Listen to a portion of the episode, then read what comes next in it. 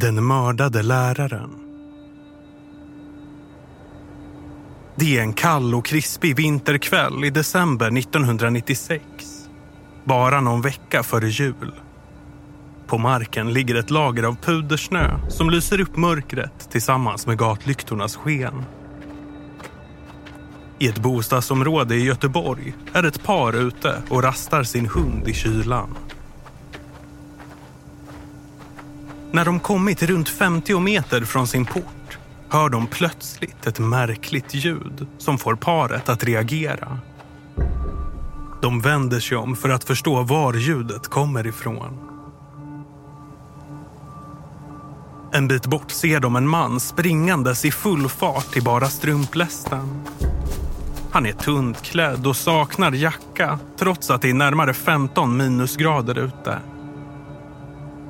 Mannen beter sig stressat och verkar nästintill panikslagen. Hans blick är intensiv och stirrig. Mannen verkar skadad och hans ena arm blöder. Du lyssnar på Svenska mordhistorier med mig, Kristoffer Holmberg.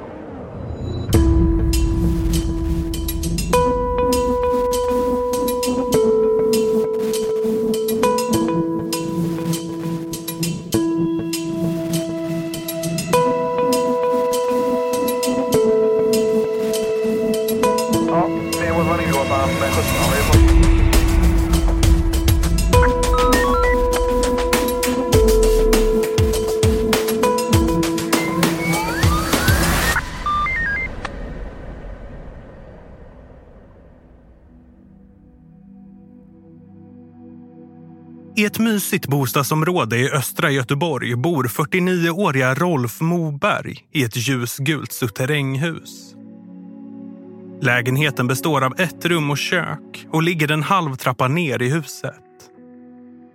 De flesta grannarna känner varandra och Rolf lever ett socialt liv och har många vänner. Rolf jobbar som lärare och utåt sett uppfattas han som en glad och trevlig man med en positiv syn på livet. Han har ett charmigt sätt och är en person som gillar att skoja med folk i sin omgivning. Ett av Rolfs stora intressen är att resa och upptäcka nya platser. Alldeles nyligen har han bokat en julresa till Turkiet tillsammans med en väninna. Men livet är inte helt enkelt för Rolf. Han lever som öppet homosexuell och vet att det finns många där han bor som inte accepterar hans läggning. Något som oroar honom. Han tar ofta hem okända män, även om han vet att det innebär en viss risk.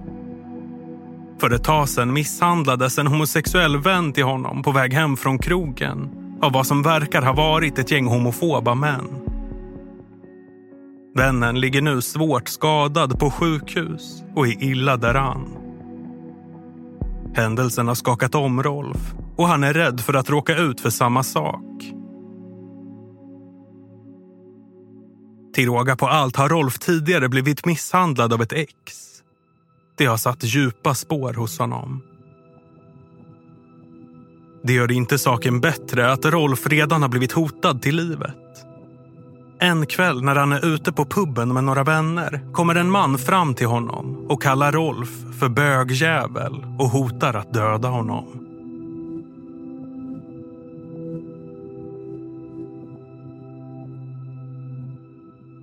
Efter att tidigare ha haft det lite instabilt på jobbfronten har Rolf nu fått en fast tjänst som lärare på en vuxenskola.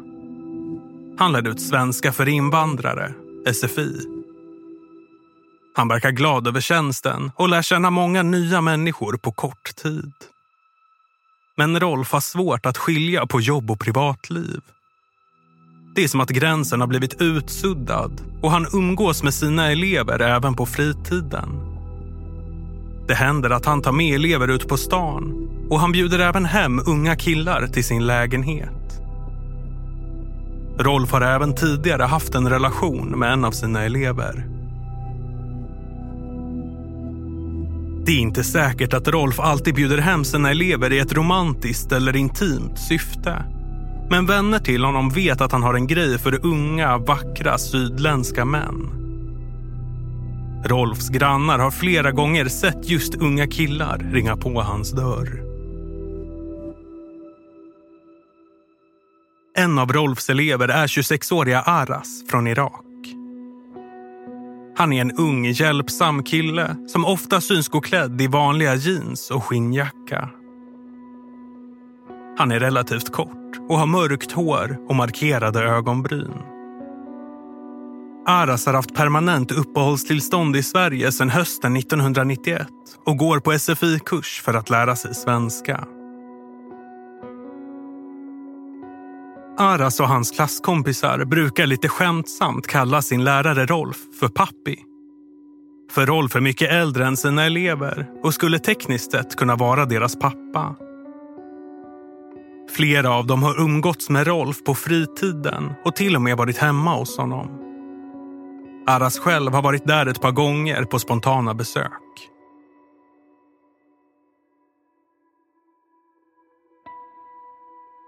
Den 19 december 1996 är den unge Aras för första gången hembjuden till läraren Rolf på en mindre fest.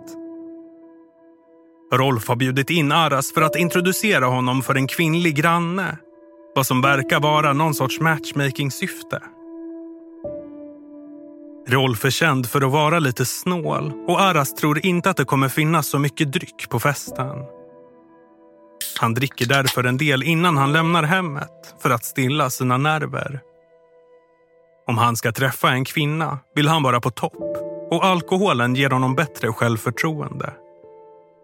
Han har visserligen träffat kvinnan tidigare men det här mötet är en chans att lära känna henne bättre. Men när Aras kommer hem till Rolf på den avtalade tiden är det inga andra gäster där. Han kliver in i hallen som pryds av ett schackrutigt golv, hänger av sig jackan och ställer ifrån sig sina skor. Inne i lägenheten möter han bara Rolf och tillsammans går de in mot allrummet. De sätter sig i soffan och soffkuddarna sjunker ihop av deras tyngd. Vid det här laget tror Aras att de väntar på att den kvinnliga grannen ska dyka upp. Under tiden är Rolf mer gästvänlig än vad Aras först förväntat sig. De sitter och pratar, skrattar och dricker tillsammans och Rolf bjuder på en hel del alkohol. Efter en stund rör sig Rolf mot tvn för att sätta på en film i bakgrunden. Aras märker att det inte är en vanlig film utan en porrfilm med ganska grafiska sexscener. Någonstans här börjar Aras värld snurra. Allt börjar gunga. Det är som att han inte längre kan se klart och han upplever hur hans kropp och medvetande försvinner. När Aras vaknar upp från sitt töcken befinner han sig ute i den kalla vinterkvällen. Han har minnesluckor och vet inte vart han är. Men snart inser han att han bara befinner sig ett stenkast från sin brors lägenhet där han tänkt tillbringa natten.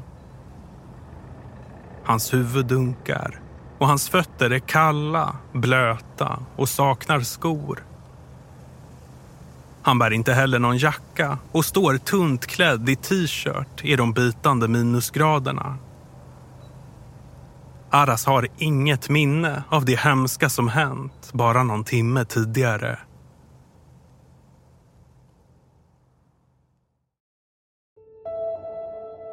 Tidigare på kvällen, den 19 december 1996 sitter en av Rolfs grannar hemma i soffan i det gula lägenhetshuset. I lägenheten under befinner sig Aras tillsammans med Rolf. Grannen väntar på att tv-reklamen ska ta slut och att FBI-serien Arkiv X ska börja. Klockan är strax efter 21 när grannen plötsligt hör höga ljud från lägenheten under. Det låter som att möbler välts omkull och sen hör grannen ett högt skrik. Han kastar sig upp från soffan och adrenalinet pumpar i hela hans kropp när han rusar ut på balkongen för att höra var ljudet kommer ifrån. Det är mörkt och kallt ute.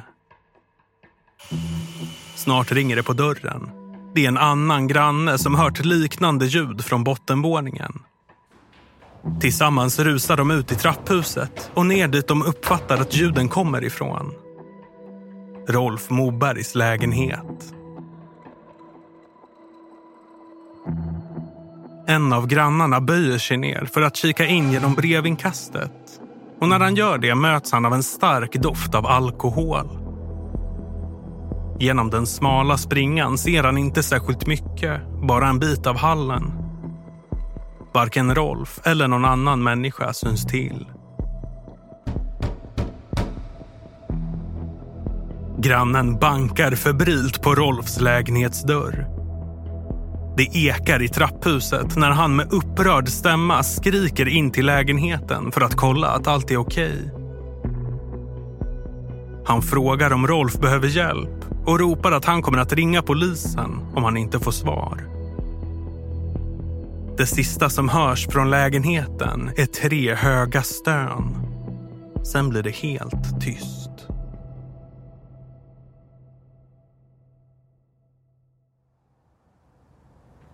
En kort stund därefter är ett par ute i samma bostadsområde för att rasta sin hund i den kalla och krispiga vinterkvällen.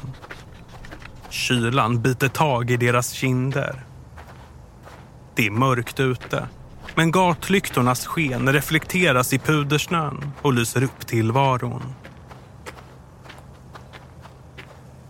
När paret kommit en bit bort från sin port hör de plötsligt ett märkligt ljud bakom sig. De vänder sig om och förstår snart var det märkliga ljudet kommer från. Några meter bakom dem ser de en man springandes i full fart i bara strumplästen.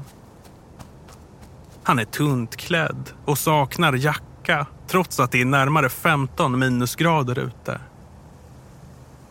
Mannens blick är stirrig och han beter sig stressad och nästintill panikslagen. Paret lägger märke till att mannen är blodig och ser ut att hålla sig för vänster överarm. Men lika snabbt som han dykt upp försvinner han bort igen.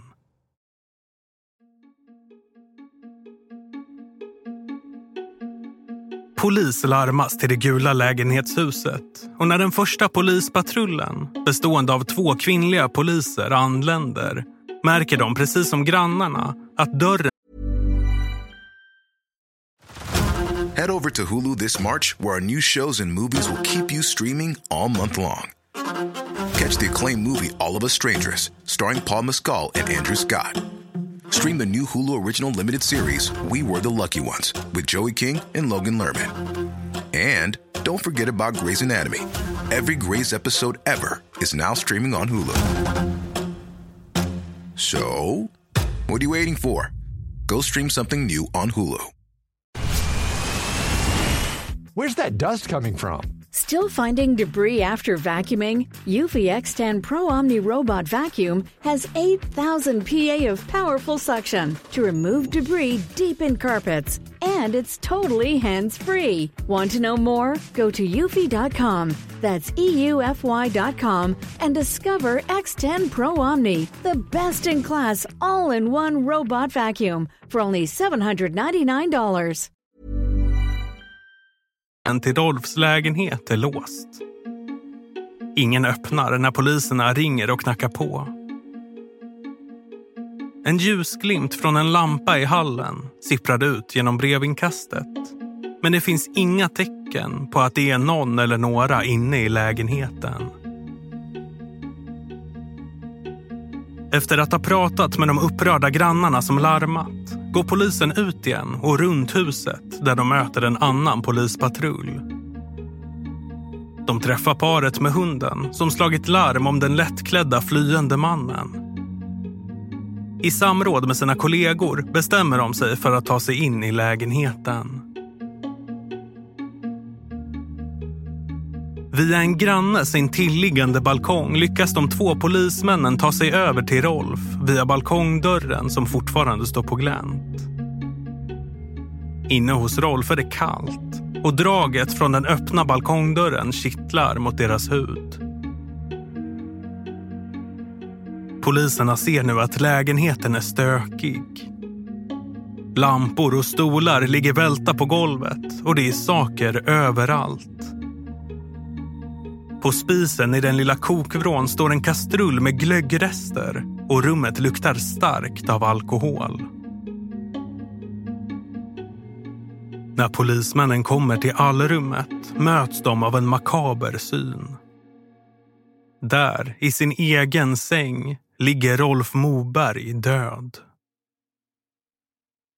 Han ligger stilla på rygg och hans ben hänger ner mot marken. På sig har han bara en t-shirt och kalsonger som är nedhasade så långt att könet nästan är blottat. I bakhuvudet har han ett blodigt sår. Ambulans tillkallas till lägenheten men vårdpersonalen kan snabbt konstatera att det är för sent. Rolf Moberg är redan avliden. Obduktionen av Rolf ska senare visa att han har kvävts till döds.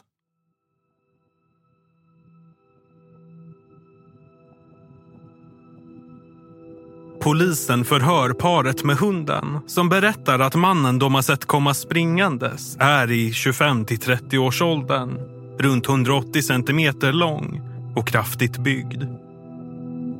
Han ser sydländsk ut och har mörkt kortklippt hår. Snart kopplar polisen ihop mannens signalement med händelsen i Rolfs lägenhet. Polisen får fram en fantombild på den person de tror kan ha mördat Rolf i sitt eget hem. En spårhund kallas in för att nosa upp gärningsmannens flyktväg via lägenhetens balkong som leder dem en bra bit bort. Men där tar också spåren slut och ingen gärningsman hittas.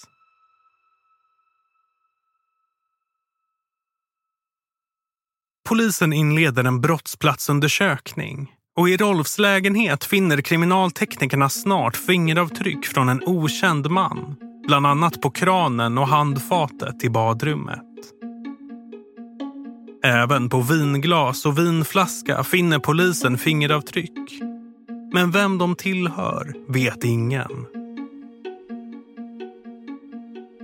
Polisen noterar också att det står flera par skor i hallen i storlek 42.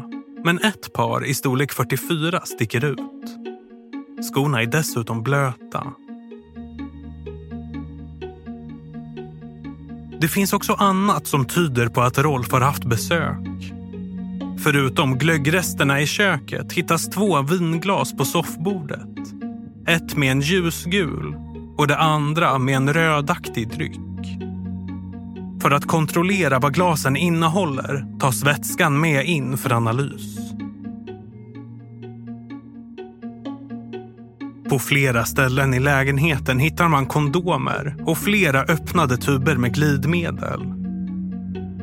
Två av kondomerna är utdragna ur sina förpackningar och ser använda ut. I videoapparaten vid den omkullvälta tvn sitter ett band tydligt uppmärkt med ett ord. Porno.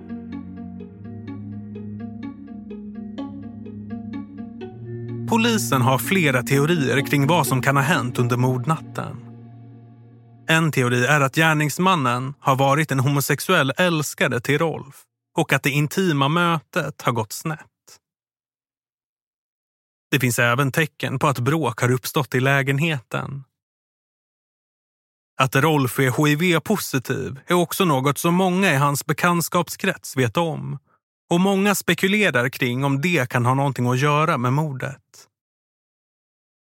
Det framkommer även att Rolf tidigare har haft ett förhållande med en av sina SFI-elever och att han vid flera tillfällen har umgåtts privat med sina elever. Misstankarna riktas nu mot 26-åriga Aras i utredningen ska mycket peka på att det är just han som varit på besök hos Rolf under mordkvällen. Det visar sig till exempel att han och Rolf har ringts bara några timmar innan kroppen hittats död. Men polisen får inte tag på Aras. Han är borta och det verkar som att han kan ha flytt landet. Han blir snart internationellt efterlyst via Interpol. Den 4 februari 1997, en dryg månad efter mordet, tas beslut om att Aras ska häktas i sin frånvaro. Tiden går och polisen kommer under många år inte vidare med utredningen. Head over to Hulu this March, where our new shows and movies will keep you streaming all month long. Catch the acclaimed movie All of Us Strangers, starring Paul Mescal and Andrew Scott. Stream the new Hulu original limited series We Were the Lucky Ones with Joey King and Logan Lerman. And don't forget about Grey's Anatomy. Every Grey's episode ever is now streaming on Hulu. So, what are you waiting for? Go stream something new on Hulu.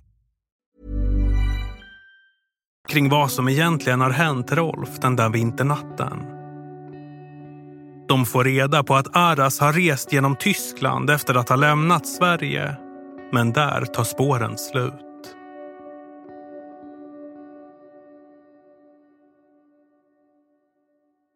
I nästan 15 år betraktas mordet på Rolf Moberg som ett kallt fall. Aras, som fortfarande är spårlöst försvunnen, är trots detta högaktuell för polisen. Men utredningen går inte framåt. Men hösten 2010 sker något som gör att polisen kommer vidare. Rikskriminalpolisen tar sig anfallet och sätter upp Aras på sin så kallade Ikaros-lista. En sorts Most Wanted-lista över landets mest efterlysta personer som de presenterar för allmänheten i tv-programmet Efterlyst. Efter det tar det inte lång tid innan den internationellt efterlyste Aras hittas. I början av 2011 söker han asyl i Kanada utan att på något sätt förfalska sin identitet. Det ska komma att bli hans stora misstag. De kanadensiska myndigheterna ser i sina system att Aras är efterlyst sedan länge. De griper honom och efter en utdragen process med att få Aras utlämnad till Sverige följer åtskilliga långa förhör med honom. Polisen vill få klarhet i vad som egentligen hände den där vinterkvällen den 19 december 1996, för nästan 15 år sedan. Kvällen då Rolf Moberg mördades i sitt hem utanför Göteborg. I rättsprocessen får Aras en tolk för att han och förhörsledaren ska kunna kommunicera och förstå varandra. Men det finns problem med vad Aras minns från kvällen. Han har svåra minnesluckor och minns bara fragment från händelseförloppet. Dessutom har nästan 15 år hunnit passera. Under tiden har han befunnit sig i Turkiet i rädsla för att bli, som han själv uttrycker det, oskyldigt misstänkt för mordet på Rolf.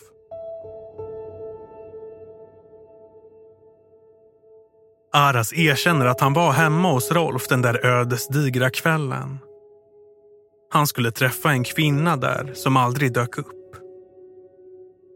Han berättar att de två befann sig ensamma i lägenheten och att Rolf bjöd på alkohol.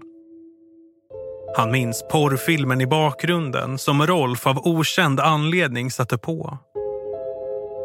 Aras säger att han är intresserad av kvinnor och att han inte hade något som helst intresse av Rolf. Aras minnen av kvällen är fortsatt vaga. Han berättar hur allt började snurra det enda han minns är hur han plötsligt stod utanför huset i snön utan ytterkläder. Den här delen av berättelsen passar bra in med det som paret med hunden också har sett. Den flyende mannen som passerade i bara strumplästen. Aras har inget minne av något bråk och absolut inte att han skulle ha mördat den lärare som han tyckte så bra om. Han säger att minnet brukar kunna svika honom när han dricker alkohol och att han inte har så mycket mer att säga om det som hänt. Och kanske finns det en till detalj som kan ha rört till Aras minne.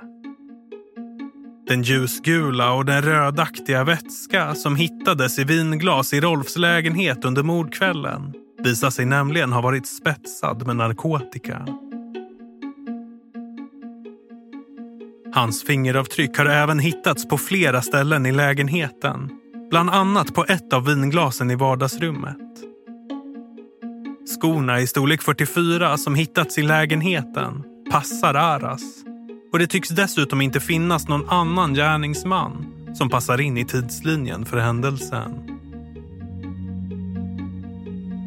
Aras nekar till anklagelserna men polisen ligger snart ett pussel av hans berättelse tillsammans med den tekniska undersökningen och grannarnas vittnesmål. De gör bedömningen att det måste vara Aras som är skyldig till mordet på Rolf. Den 11 november 2011 döms Aras till tio års fängelse för mordet på Rolf Moberg. Han utvisas även från Sverige. Men vad som egentligen hände den 19 december 1996 när Rolf mördades kommer vi förmodligen aldrig säkert få veta.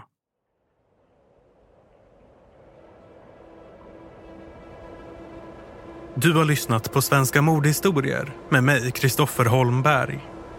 Alla namn i det här avsnittet är fingerade. Manusförfattare är Annie Hogner och producent Oskar Wendel. Originalmusik av Tor Wilén. Svenska mordhistorier görs av podcastbolaget Cast för Podme.